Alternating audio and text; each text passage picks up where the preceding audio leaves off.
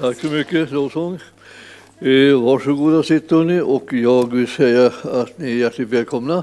Herrens älskade. Det är alltid härligt att se vilka, vilka brinner för Guds ordet även på kvällstid. och, så eh, det, det är härligt. Och jag eh, ska eh, tala med er lite grann om ett väldigt känd text som jag, ja, som jag i smyg alltid hoppas att alla kan utan till. Men, men jag vet inte liksom, i vad mån som jag vågar säga det. Liksom, för det är inte meningen att du ska känna dig liksom, eh, misslyckad här utan, utan meningen är att du ska förstå att det här är någonting som eh, ingår så att säga, som en, en absolut nödvändig föda i ens, i ens andliga liv. Det är nästan som det där med Franciscusbönen. Alltså. Man ber en bön som liksom banar väg för att Gud ska kunna använda en och förhärliga sitt namn eh, genom ens liv. Och det är liksom, eh, man, man ber ut saker så där som man tänker, vågar jag be det här? Tänk om han bönhör mig? Tänk om jag blir så här fullkomligt eh, liksom, osjälvisk och eh, kärleksfull och utgivande och, liksom, och intresserad bara av andras bästa hela tiden. Liksom. Eh, men jag då, jag då? Ja, ja, det är det som är så skönt om när det bantas ner lite. Man blir lite lyckligare då och man slipper känna sig liksom som att, att man någon som, som inte får någon uppmärksamhet.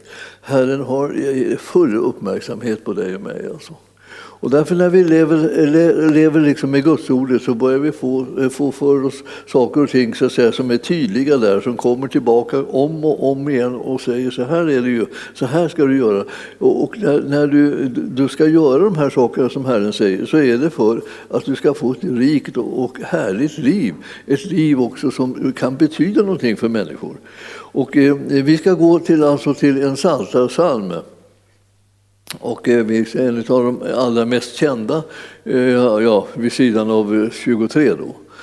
För den är väl kanske den mest kända om att Herren är vår herde och mig skall intet fattas. Det är en populär formulering som, som vi säger så här, åh härligt, nu, nu, där, där, där var det på precis det som jag önskade. Ja. Men, men det finns någonting annat som, som ska, egentligen ska föregå det. Och det är det Psaltaren 103. Och den är ju liksom Lova Herren min själ och allt det i mig är hans heliga namn.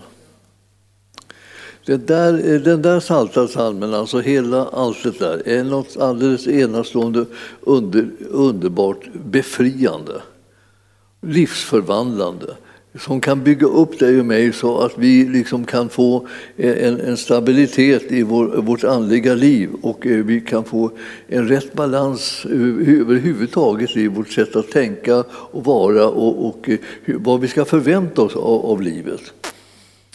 Eh, att tjäna Gud är ju liksom någonting som eh, låg Jesus på, eh, på, på hjärtat. Liksom. Han, han ville hela tiden söka Fadern och få inriktning Va? Hur, vad ska jag göra? Hur ska jag göra i de olika situationerna? Vad är det som är din vilja, Fader?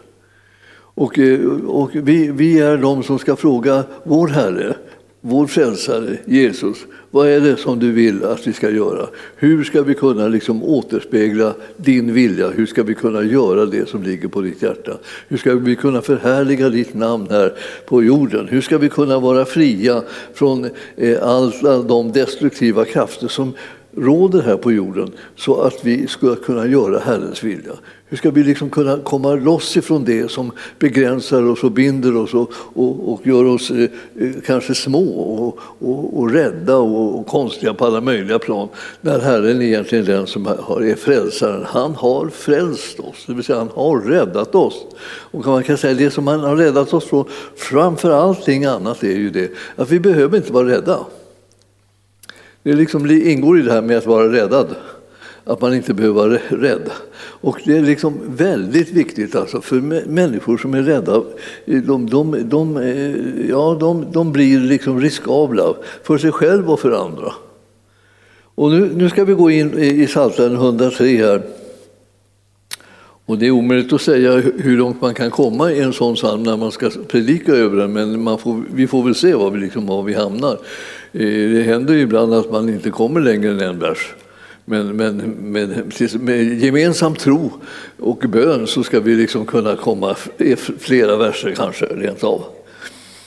Alltså, lova Herren min själ.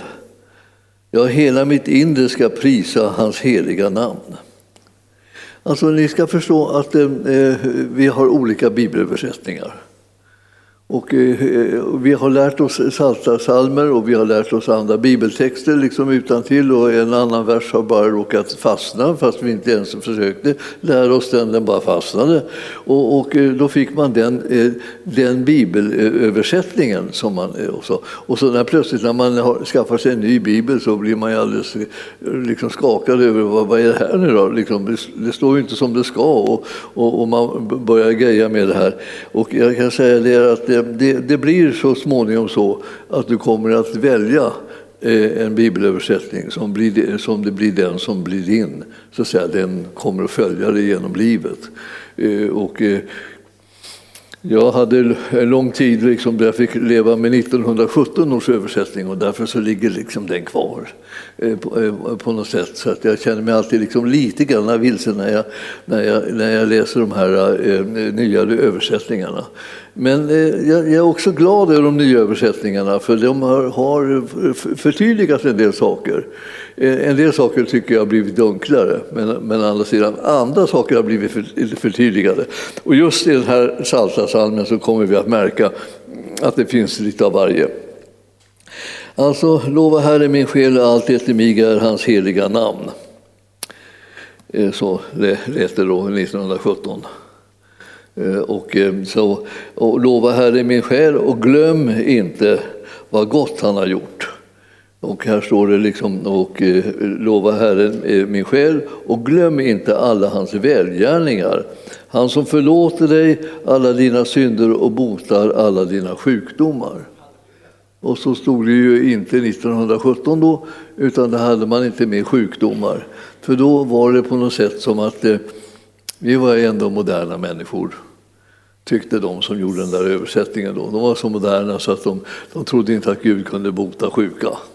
Så, eh, så det, det liksom ville man lägga åt sidan, liksom, så att man, eh, man, man, man försökte liksom fördunkla det budskapet. Då. Och eh, ni förstår att det är bara att förlåta dem. För det är, liksom, det är liksom lite eländigt när man åtar sig uppgiften att liksom översätta en bibel, att man inte kan låta bli att lägga sig i vad som får stå där och inte. Eh, det, det, det är pinsamt. Va? Ja. Men, men eh, vi har alla olika brister eh, som vi behöver jobba med och även bibelöversättare kan man säga. Men här ser ni, här har de rättat till det åt rätt håll. Eh, eh, så där, när de kom in där så är det här botar alla dina sjukdomar, står det. Alltså botar. Alltså alla. Och det var sjukdomar som botades. Alla mina sjukdomar. Alltså. Du kan liksom börja göra, göra om det här till dina sjukdomar. Alltså alla dina sjukdomar. Alltså är det, säger ordet här, sån är Gud alltså. Han botar alla dina sjukdomar. Och då och då så blir ju folk eh, liksom varse att så här är det ju. Alltså, det gör han ju. Och eh, vid andra tillfällen så tycker de att nej, det verkar inte som man botar dem. Här ber man och härjar och, och, och ber och ber och ber och ber och ber och, ber och ropar alla, alla möjliga ord och citerar alla bibelord som man kan. Och, och, eh, och han, han, han verkar inte göra det ändå. Så det finns ju liksom lite mer att lära sig än bara det att det står så där. Eh, men det är ju inget bara med att det står så där, utan det är ju ett fantastiskt, fantastiskt löfte. Va? Men eh, det, det fordras mer. Och det är så på många sätt när vi håller på att kämpa med bön av olika slag. Så, så, så, så, märker vi att ibland så verkar det som att tjong, dörrarna slår upp på vid gavel och bönesvaren bara dånar ner i ditt liv och du tänker det här är ju så fantastiskt, man får bönesvar när man ber wow. och vi tycker att vi, vi, vi är de lyckligaste på jorden och sen så är, är senare skede så eh, blir det ingenting. Alltså. Det är som att slå huvudet i väggen, alltså, man, man får, inte, får inte tag i det.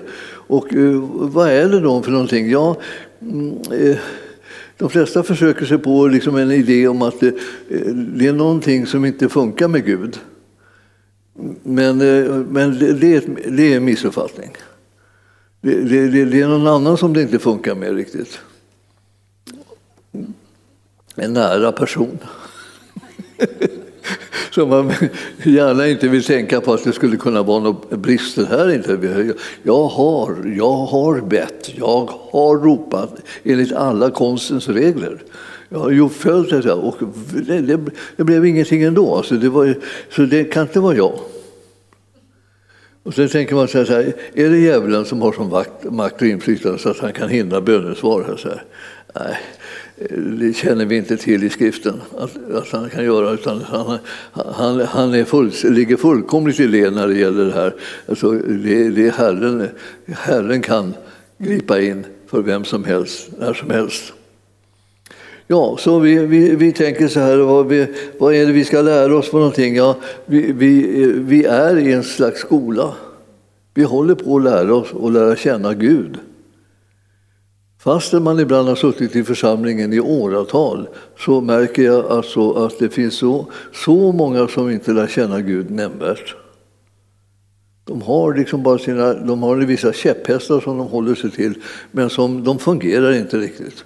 Och, eh, och, och, eh, och, och de går omkring och är lite besvikna, men de kommer inte på att de kanske skulle behöva lära känna Gud. Det är precis samma sak som det här, så här eh, vad ska jag tänka på?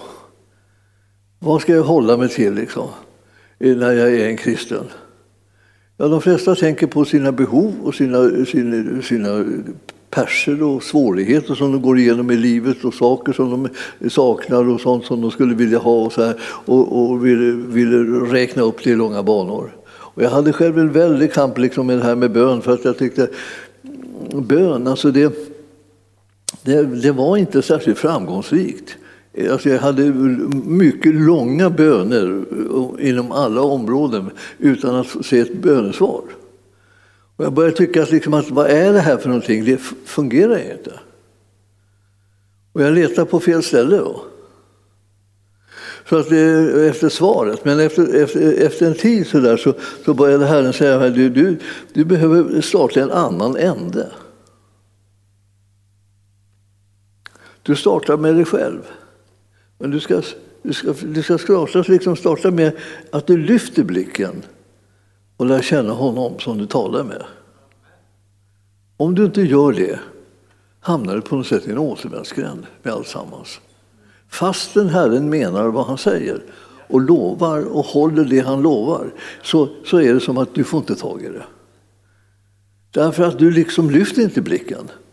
Utan du tänker på liksom att du, du har förtjänat det här nu. Du har, jag har ju bett. Och, och den som ber, den får. Och, ja, man kan alla möjliga eh, eh, ord som man kan använda som en, liksom en anklagelse till Herren för att han inte gör det som, eh, som han har utlovat. Och så här.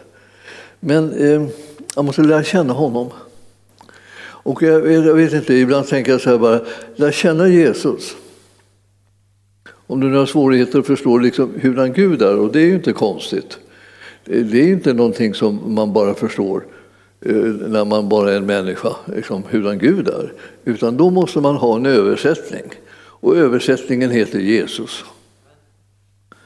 Så när du, har, när, när du förstår att det är Jesus som du behöver lära känna för att du ska förstå vem Gud är.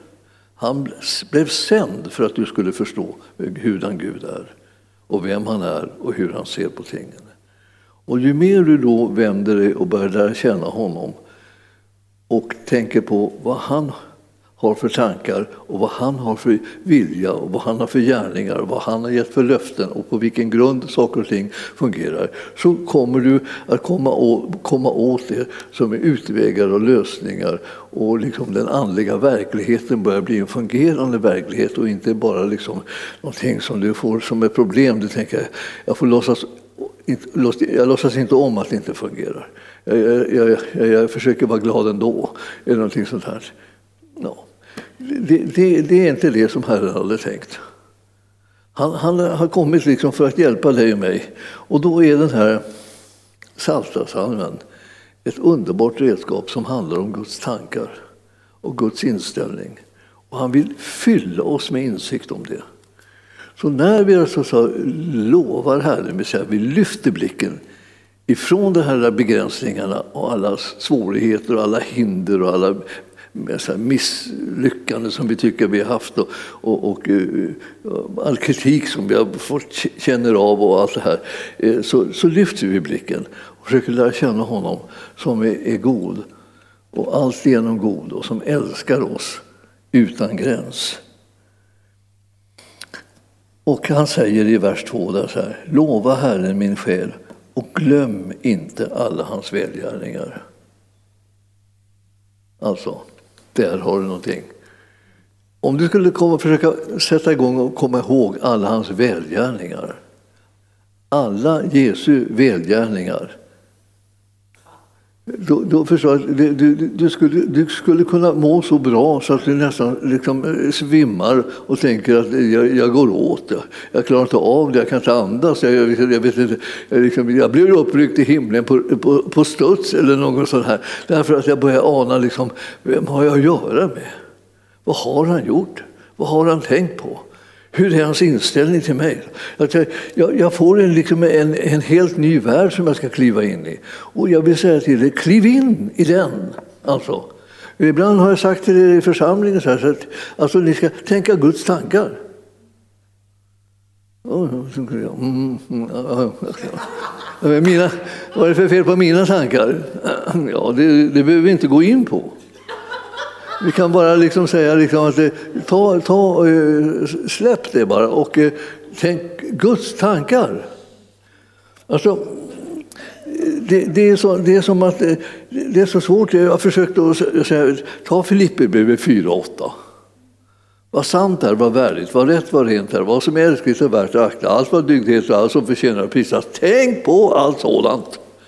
Och då kan man, när man kommer till, fram till slutet så kan man skrika ut en bekännelse på allt sådant tänker jag. Ja, nu skrek jag åt mig själv, va? därför att eh, vem vet om jag uppfattar det här annars? Jag måste liksom på något sätt väcka mig. Liksom, det är jag som ska tänka på allt det där, liksom inte, det här är inte bara liksom en liten ramsa. Utan det här är, är mitt livs viktigaste beslut att tänka Guds tankar istället för mina egna tankar. Och eller andras tankar, eller omständigheterna, eller ett känslolivets upplevelser, eller vad det är för någonting. Vad jag går igenom, lidande som jag möter, svårigheter som vi har, relationer som går åt peppan, eller vad som helst. här. Det är inte det. Det är Guds tankar som jag ska tänka på. Och nu märker jag, jag får säga det så jättemånga gånger så att jag, jag nästan jag tänker så här, om jag, eh, om jag här säger det här en gång till så börjar de aldrig, liksom tänka, hur är det egentligen med hans mentala hälsa? hur många gånger ska han säga det här? Tror han inte vi hör det? Nej, inte riktigt. Alltså, jag är inte säker på det. Alltså, jag, jag vill att ni alla ska höra det, därför det här är en välgärning mot er alla och mig själv att vi kommer ihåg att vi måste tänka Guds tankar.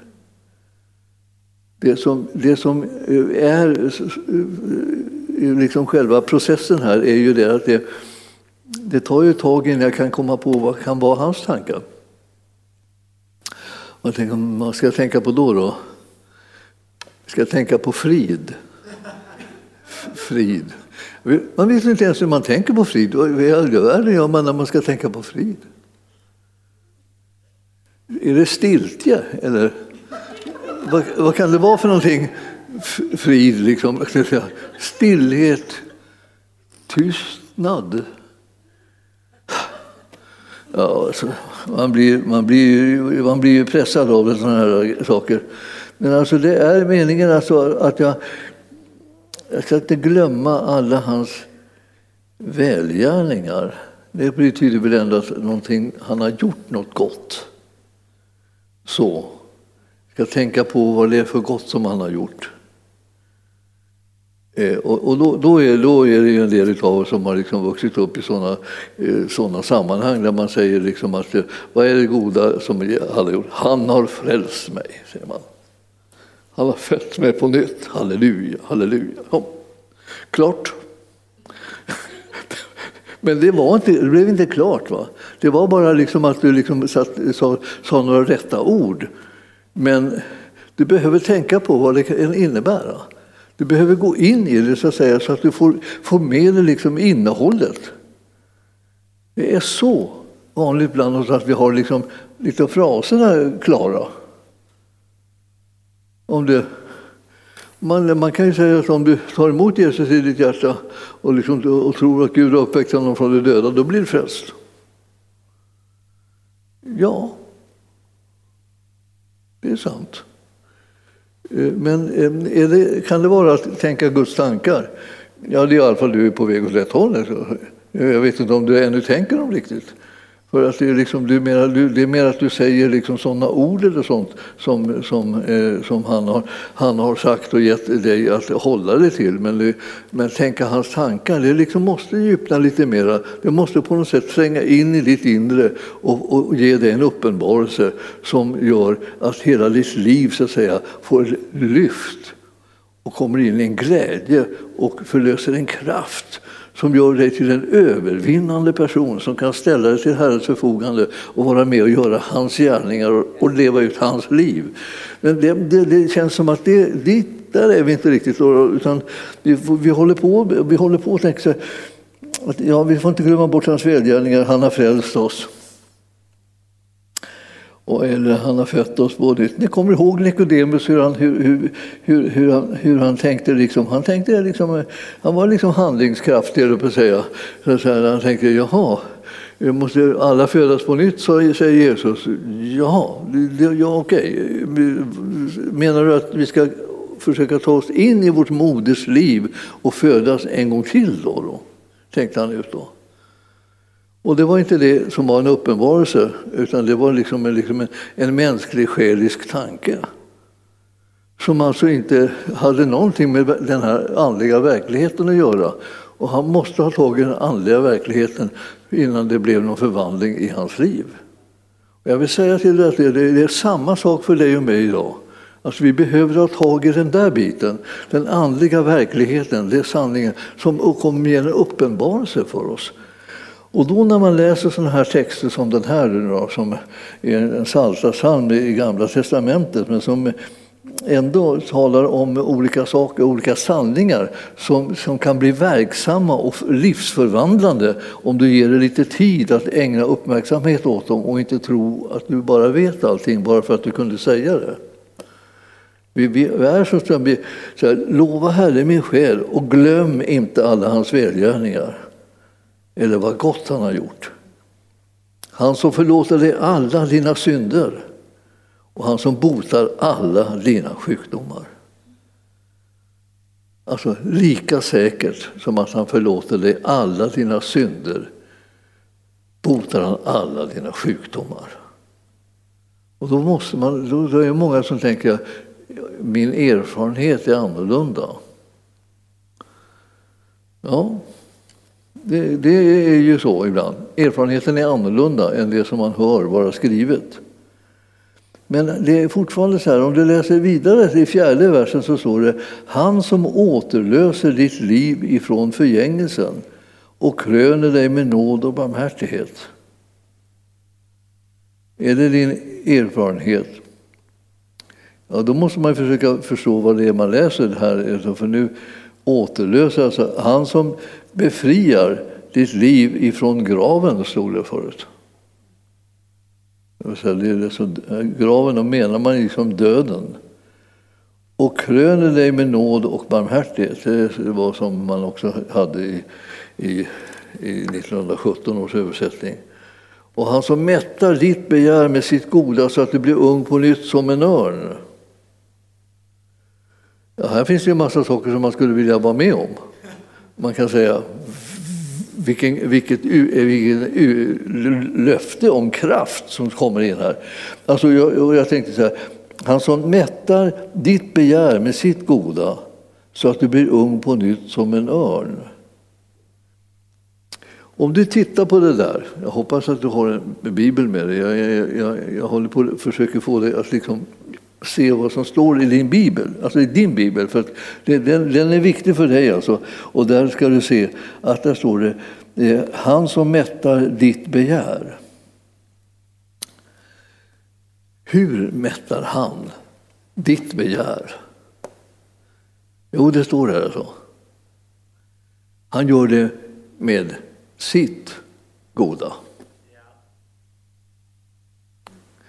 Inte, inte, inte nödvändigtvis med det som du tycker är det goda eller det som du har liksom haft begär efter, utan han mättar det med sitt goda. De flesta av oss tar åratal på sig innan man upptäcker att det står så överhuvudtaget. Man tänker att det hm, har jag aldrig tänkt på. Jag trodde liksom att det här var en, liksom en, en, en överlåtelse till att han ställer upp på mitt begär och han möter mitt begär. Så trodde jag bara det var. Det var bara så, enkelt. Men, men det är så att det är han som vet vad du och jag behöver. Och hur skulle vi vara säkra på att vi ska kunna få del av det som du och jag egentligen behöver? Genom att vilja känna honom, börja tänka hans tankar, se vad han vill säga till oss och vad han vill göra med oss. Och vi söker det mer än det att vi bara talar om för honom vad vi har för begär. Och vi har, för vi har många begär och jag menar att hans lösningar är mycket bättre än våra. Så det här är inte någonting, jaha, så han tänker strunta i vad jag tycker och vad jag vill ha. Ja, så, så kan du ju sitta och, och morra om du vill. Det är bara en återvändsgränd. Men annars kan du märka att han gör välgärningar mot dig. Han tänker inte ge dig bara vad du begär. Han tänker ge dig av sitt goda. För, förstår du? Alltså, han är mycket bättre på det här vad du behöver och vad du ska ha än vad du är. Så där sitter alltså, jag menar, vi, vi är allihopa i precis samma sits. Så här är vi allihopa. Vi liksom bara kan räkna upp oss. Jag behöver det här, det här. Hör min bön. Och så, och då tycker Herren så här, kan du inte liksom försöka tänka så här, jag ska höra vad Herren säger. Istället för att du bara liksom envisas med att liksom, och, och sitta där och tjata liksom om, om det som är din, ditt begär medan han har någonting som han kallar för sitt goda som han vill ge till dig. Det där när han ger sitt goda till dig, då är det det som är lösningen och hjälpen som du behöver. Det är det som kan hjälpa dig. Det andra är bara en inbildning om att alltså, eh, fixa det, jag fixar det, fixa det och gör alla de här sakerna. Jag har så många uppenbara behov, säger du. Så här. Jag vet precis vad det är som fattas mig. Jag har, jag har hört hela, hela, hela, hela sjukvården står som en enad man och, och ropar ut vad jag har för brister och sjukdomar och lidanden och nöd. Och, och, jag, och jag kan få medhåll från alla håll och kanter. Och, och, så, och så när jag nämner det då, då kommer Herren och säger att jag ska intressera mig för att han ska kunna ge sitt goda till mig istället för det som är mitt begär.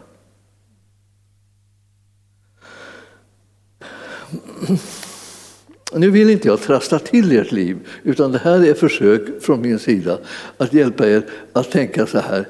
Vad, vad, vad är det bästa för oss? Under alla livets förhållanden, under alla omständigheter, i alla situationer är det verkliga, verkliga eländiga situationer och pressade situationer och svårigheter och, och besvikelser. Och alltihopa. Vad är det som är det bästa för oss? Eh, eh, är det det som vi räknar upp till, till Herren eller är det hans goda? Och då är det svar, svaret är ju givet nu eftersom det är jag som står och pratar här med er för, för att liksom rekommendera Herrens goda. Det, det, är Herrens vilja som är det bästa för oss var och en.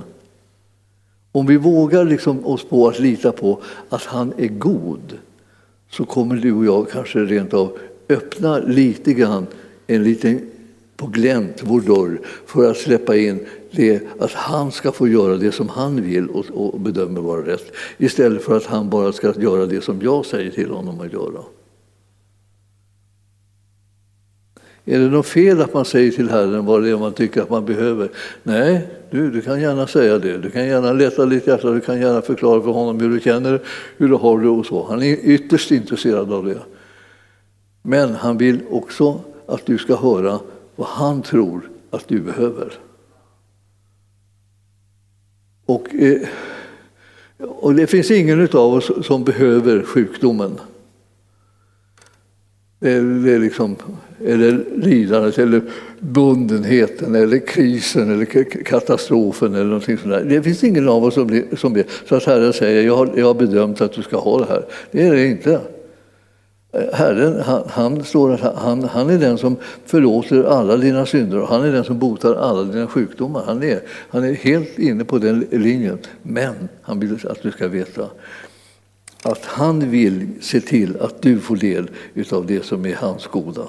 Alltså jag, jag känner ibland så här, vad, vad, vad, vad konstigt det är liksom, att han ska svara oss så när vi, när vi talar om vad det är vi behöver.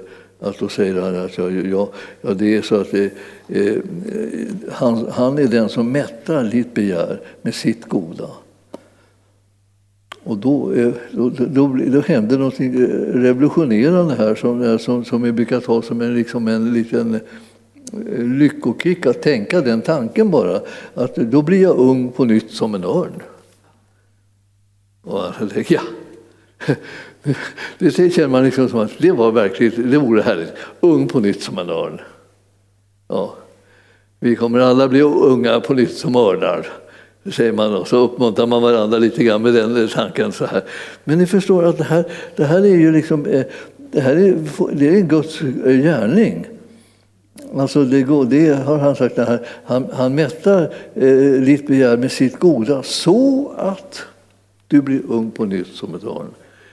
Så det finns en, liksom en väg till det när man tar emot hans goda så kan det ske att man får en sån här förvandling som är liksom nästan övergår allt förstånd förstås. Nu du, eh, nu kanske tycker, ska vi inte gå vidare? Det här, det här kapitlet är långt, va? Ja, ja, långt och långt, men eh, när man börjar komma liksom en bit in i det så hoppas man att det aldrig ska ta slut. Det här är liksom, du, du kan liksom komma in i det där att du börjar bli förälskad i kapitel. Det kanske säkert har hänt dig. Liksom, tänka, det här kapitlet, kapitlet, kapitlet. Och eh, det, det, här, det, här, det här är ett av mina mina älsklingskapitel. Och det, det, det, det är väl så för nästan ja, de flesta kristna, liksom när de har hittat det här kapitlet så, så tycker de att det här är ju så underbart så det är, är, är ofattbart helt enkelt. Men, men man, ändå har man kämpigt med att tycka se att det här är någon riktig problemlösning. Därför att man, eh, den vägen som man trodde, att man bara tjatar, liksom, kan man säga, när vi kommer till bön så brukar, så brukar när vi blir lite desperata så säger vi så småningom så här jag, jag, jag får köra änkans modell, alltså. änkan, änkan och domaren. Det, kan bara, det är bara, det bara rusa på, bulta på eh, Herrens port eh, till, till han ger upp och gör som jag säger. Ge mig min rätt. Men den liksom relationen har inte vi riktigt till Herren.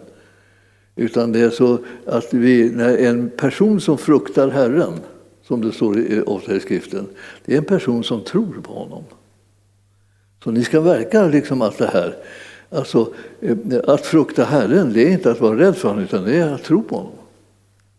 Och den som fruktar Herren, ja, den kommer in i en väldigt speciell situation i förhållande till Herren, där man tror på det som han säger och, och tror på det som han är. Så att man, att man på det viset inte behöver liksom stå där och bulta på dörren så till den milda grad att han blir helt utmattad och till slut öppnar dörren och säger okej okay då, du får väl vad du vill ha. Liksom och, så. Och, och, och då tänker man det, det, det, man får tillgripa det där om inte Herren fattar att han måste höra min bön och det, det jag ber om. Men här har vi liksom en, en, en annan situation, så att säga, att vi ska veta vem Herren är Alltså, och vi ska prisa honom eh, och, eh, och inte glömma alla hans välgärningar. För det som kännetecknar Gud är välgärningar. Goda gärningar, goda saker som han har gjort för människor.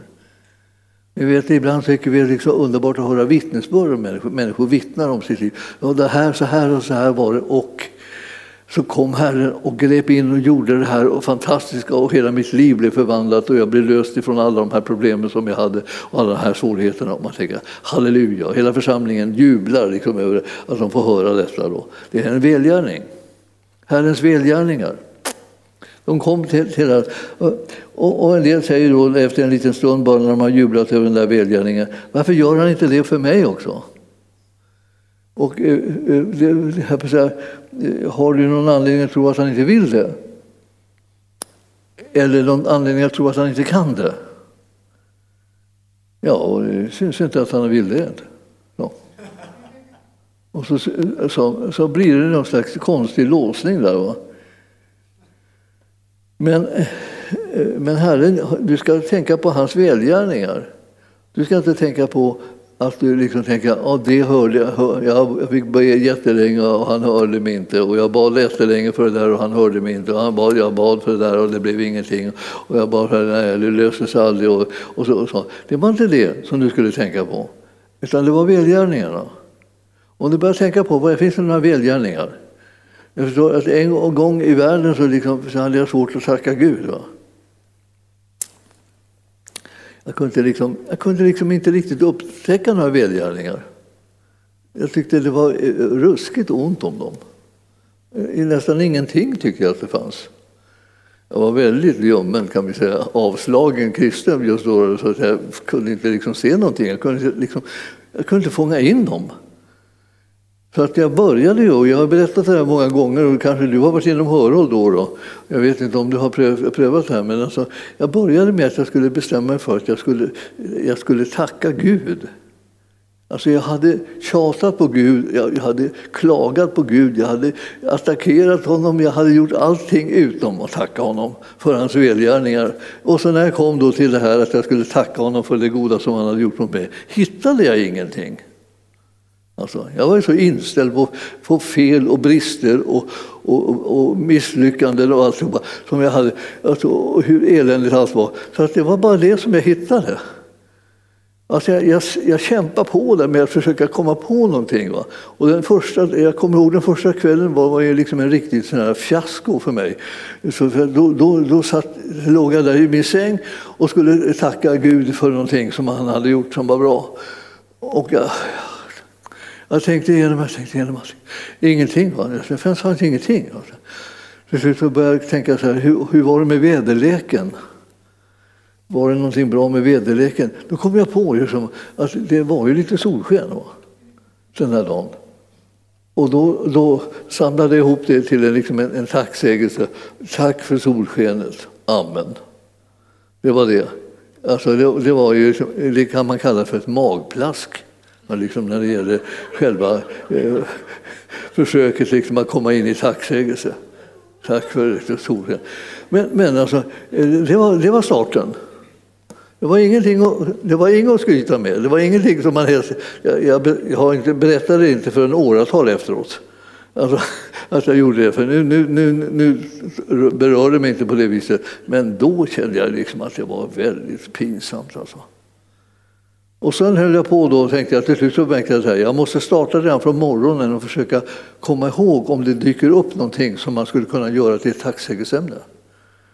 Så jag gick och spejade hela dagen. Och jag, då fick jag upp statistiken något, kanske två, två, två tre saker så som jag kunde tacka för. Och så började jag liksom på något vis att titta efter rätt saker. Alltså jag kunde eh, titta på alla fel. Det är många som kan det. De det jättemycket, liksom, ser alla brister, alla fel och pratar om det hela tiden. Och eh, gräver ner sig i en, en stor grop. Och jag skulle sluta med det här nu och försöka komma upp i den här gropen. Va? Så jag började med det här tacksägelsen. Och jag fick tag i några saker till och så för dem. Sen började jag komma på det, så här, det fanns ju människor också som jag kände. Jag kunde, tänka, jag kunde tacka för hela släkten då, då eh, eh, och nämna dem vid namn. Så att, jag har en stor släkt. Va, så, och, eh, så att jag kunde sätta igång och tacka för dem. Då. De liksom, var liksom hyggliga och snälla människor. Så här, liksom. Jag kunde tacka för dem eh, utan att jag eh, liksom, kände mig som en lögnhals. Så, så jag, jag satte igång och tackade för dem också. Då. Och sen började det här rulla på. då med det ena efter det andra. Till slut var jag riktigt bra på att upptäcka alla goda saker som hände mig. Alltså, och allt som var liksom bra och hyggligt och snällt och omtänksamt och allt vad det var för någonting som jag mötte egentligen i livet. hade väl antagligen varit så hela tiden men jag hade inte tänkt på det. Utan jag bara tänkte på eländet. Men om jag börjar tänka på hans välgärningar mot mig så började jag på något vis tillfriskna. Liksom, först skulle man säga rent själsligt. Då, då. Eh, så, och, och sen så genom tacksägelsen började jag tillfriskna rent andligt också.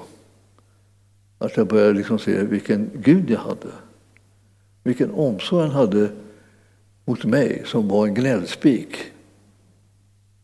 Alltså jag, jag, jag gnällde så mycket så att jag, så jag, liksom, jag säga, var, var ökänd för det. Jag kunde liksom inte låta bli att gnälla. Jag möter ju människor som är likadana som jag var eh, och jag känner igen dem väl. Jag känner igen symptomen. Det är ett elände alltså. Att, att liksom bara gå omkring där och fastna hela tiden i det som är, som är missräkningar och, och, och, brister. Istället för liksom att samla på det som är gott. Här står det nu en utmaning som kommer att göra ditt och mitt liksom väldigt förvandlat om vi sätter igång och jag håller på med det här. Om ni inte redan gör det, jag hoppas att ni gör det. Men lova Herren min själ och glöm inte alla hans välgärningar. Mitt i svårigheterna, alltså, låt mig göra det här klart för dig. Det är inte så att svårigheterna har försvunnit, utan det är det att du ska komma ihåg hans välgärningar. Det är inte så att jag kallar svårigheterna för välgärningar, utan det är det du ska tänka på något annat än svårigheterna som finns där. Men du ska tänka på välgärningarna. Du måste börja se vem Gud är och vad han gör mot dig. Så att du får liksom en loss, en tacksamhet ifrån ditt hjärta och kan bli fri från de negativa krafterna som kommer av att du mediterar maximalt på allt det som är dåligt. Alltså det, finns en, det finns en väg som, som, som ska föra dig ut ur eh, det ondas makt. Ut ur alla besvikelsers makt, alla, alla sjukdomars makt, alla, alla misslyckandes makt och det här. Du, du, måste hitta vägen ut ur det och den kommer liksom genom det här med tacksägelse. kommer att frigöra dig på det här området. Och jag, jag, jag, vill, jag vill säga till dig, jag håller inte på att bagatellisera lidandet och sjukdomen. Eller så Jag bara säger det är något annat som du kallar att eh, tänka på. Och du tänker på det som Herren har gjort och det han, det han gör han är inte den som håller på att plåga dig. Han är inte den som gör dig sjuk. Han är inte den som, som förstör dina relationer och inte den som håller på att bryta ner dina omständigheter. Och, och, och, han är inte den som piskar upp ditt inre så att du är liksom som, som går som på nålar och känner dig som en så anklagad och förs, förskräcklig hela tiden och tänker att jag, jag är en hopplös människa, jag bara ställer till med allting. Och så. Det är inte Herren som håller på med det. Om du lyfter blicken och får tag i det där som han har gjort, hans välgärningar, så kommer du så småningom spränga dig loss ifrån det här mörkrets liksom, snaror som du lägger runt omkring livet. Och du kan bli fri precis som vem som helst annars. Herren har en väg ut ur det. Han vill att du ska känna till vad han har gjort. Och det konstiga är, fastän han gör de här sakerna, har gjort dem hela tiden, så har man, när man har det här liksom obehandlat, om vi säger så, så har man, håller man på och stirrar på det som det, eh, som det här. Han, hans goda gärningar ser man inte och, och de onda gärningarna ser man bara. Och det, det, är liksom, fastän han hela tiden håller på och gör allt det här goda missar man det helt och hållet. Det kan vara helt blankt alltså. Och då vill jag säga dig, ha förtroende för bibelordet här nu då så ska det kunna hjälpa dig.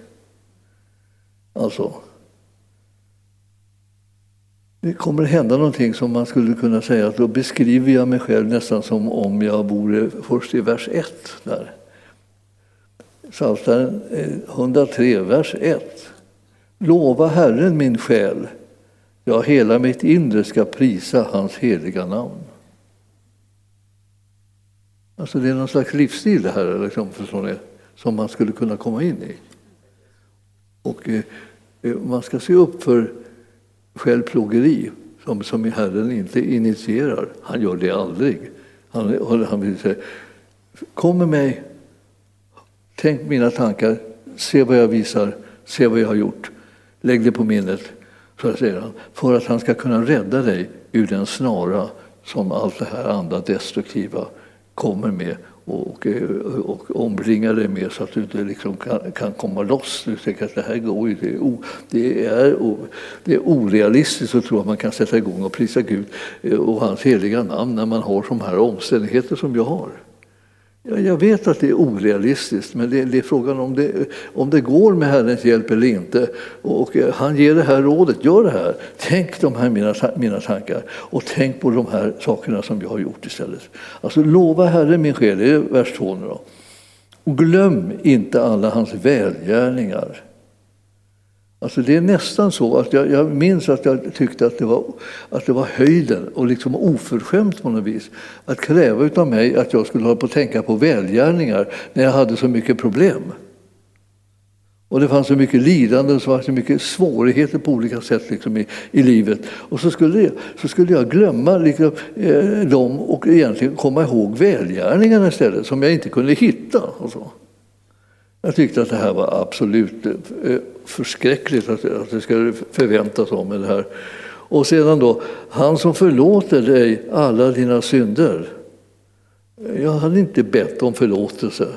Jag hade, jag hade, jag hade drabbats av liksom synder och andra synder och, och omständigheternas synder. och helt här. Alltså, men, men då säger han till mig, han förlåter dig alla eh, dina synder. Och då tyckte jag, som många tycker, alltså, vad hoppar han på mig för? Jag är ju offret. Liksom, jag får sluta. Jag, jag, jag, det, han skulle säga stackars lilla gubben, jag har det så eländigt. Det, det, han kunde väl ha lite medkännande när jag, när jag har så mycket problem och mycket svårigheter. Och istället för att säga att han ska förlåta mig. Vad då för? Ja. Så där har du aldrig gjort. Men, sen, sen, så, och så botar han alla dina sjukdomar. Jag höll på att säga, ja pytsan. Det eh, såg jag inte att han hade gjort, botat sjukdomarna. Alltså det här förstår ni, det här är liksom blir... Om jag då bara tittar efter, vad är mina problem? Så hittar jag dem. Men om, om jag, vad är Herrens välgärningar? Ja, då börjar jag med att jag hittar inte dem. För jag har bara tränat på liksom att notera det som är svårigheterna. Och jag, därför så, så, är det här, de här verserna som är här i början så svåra att komma förbi. För, för de liksom är sådana där som talar om att vi har fastnat på fel, i, fel, i fel box. Och vi kan inte föreställa oss vad, hur det skulle vara att hålla bara på att tänka på Herrens välgärningar. Hur ska det gå till? Man får väl inte bara förneka liksom alla omständigheter som man har. Man får vara realistisk. Vi vet ju att, det här, att livet är liksom, innehåller massa lidande och elände och det måste man väl ändå liksom, eh, liksom se i vitögat och så. Och eh, Herren säger, jag vill att du ska titta på mina välgärningar. Och när det här så sakteliga liksom motståndet mot att göra som han säger går över så börjar det lyckas. Tänka på hans välgärningar längre och längre stunder fastän du befinner dig i en ond värld och en ond livssituation. Jag förstår att det här, det, det, här är, det här är barockt när man befinner sig i läget. Alltså. Att man har många, många svårigheter och sånt där som nästan hela världen säger liksom, ja, det är inte lätt för dig. Vi, vi ser det, du har det inte lätt. Och det är det man vill höra från Gud också. Du har det inte lätt. Ja. Men jag ska ta och fixa det. Så, liksom, det ville vi höra från Gud. Och han kommer visst att hjälpa, men lyssna på hur han, hur han tänker göra det. Han tänker göra det genom att säga du ska fokusera på mina välgärningar. Gör det, det kommer att hjälpa dig. Han återlöser mitt liv från förgängelsen, alltså från graven. Alltså det här med att det var dit livet så att säga, var på väg. Liksom. Att det var, skulle liksom ebba ut och gå under och så. Och så säger du att han, han vill istället kröna dig alltså, med nåd och barmhärtighet. Allt det här, när man har att göra med Gud så är han ofta på det här sättet. Han är liksom helt... Han är, alltså jag vet inte vad jag ska säga, hur jag ska uttrycka det. Men det verkar som han, att han, han har någon slags förmåga att kunna tala om saker på ett sätt som man inte riktigt står ut med. Man skulle vilja att han var på ett annat vis. Man är van vid hur, hur det är med, med liksom omtanken som finns i världen bland icke-troende. Så här, då kan man få mycket omtanke. Och så där. Men när man kommer till Gud så kan man ibland få höra någonting som man tycker, kan inte du låta bli det där nu då? Jag, jag, jag, jag, vill, jag vill bara ha lite tröst. Finns det liksom inte en, en famn någonstans som bara kunde hålla om och säga lilla gubben, lilla gumman. Det här, vi ska se, det ordnar sig, det går, kommer en utväg och så här. Och de är på allvar liksom känner, känner med en istället för att komma och säga sådana här konstiga saker som att man ska börja tänka, tänka på Guds välgärningar mitt när man står i liksom ett helvete som man tycker.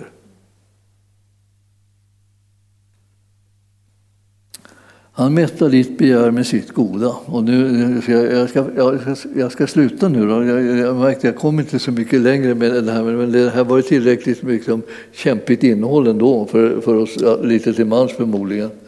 Alltså, det står att, att det, han mättar eh, ditt begär med sitt goda så att du blir ung på nytt som en örn. Att du återtar liksom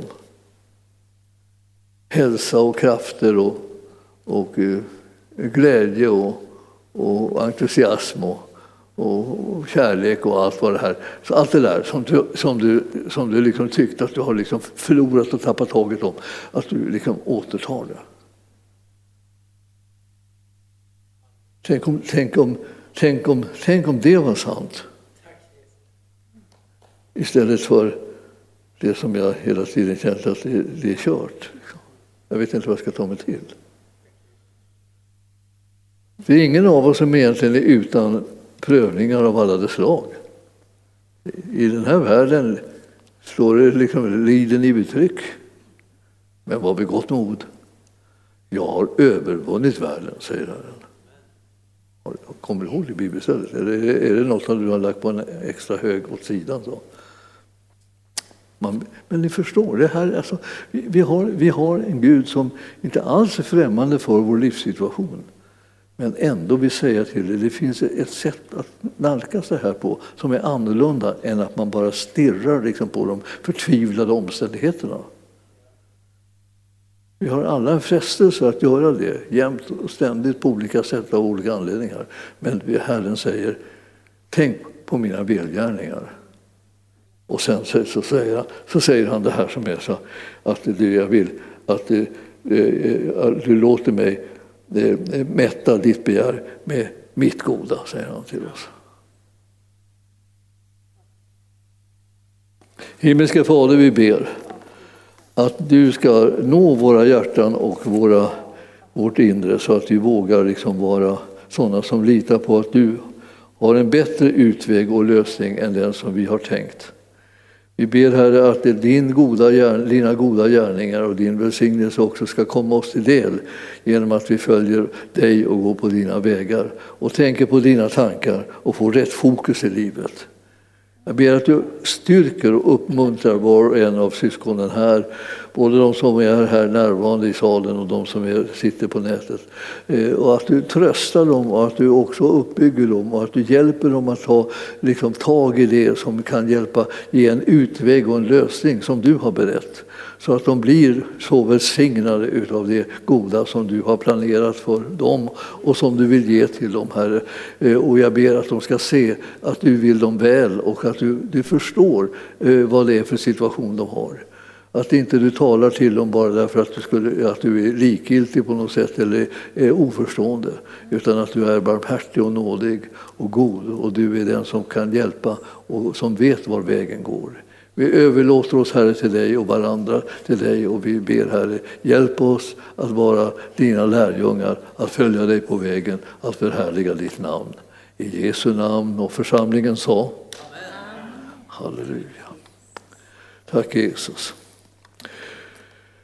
Ja, eh, nu är det också så att med tanke på eh, ämnet, om vi säger så, så, kan, så är det ju på sin plats att vi liksom eh, ber också för, för dig som behöver liksom en, en, en speciell hjälp från Herren att kunna ta sådana här steg, att välja sådana här vägar att gå på som han utmanar oss till. Det är som inte är någon enkel sak. Och jag, jag säger till dig om du vill ha förbön så kom fram och ställ dig här så ska jag bedja för dig eh, att Guds kraft kommer och bistår dig så att du hittar liksom den vägen som Herren vill att du ska gå på och eh, hittar utvägarna som han som är god vill ge dig. Amen.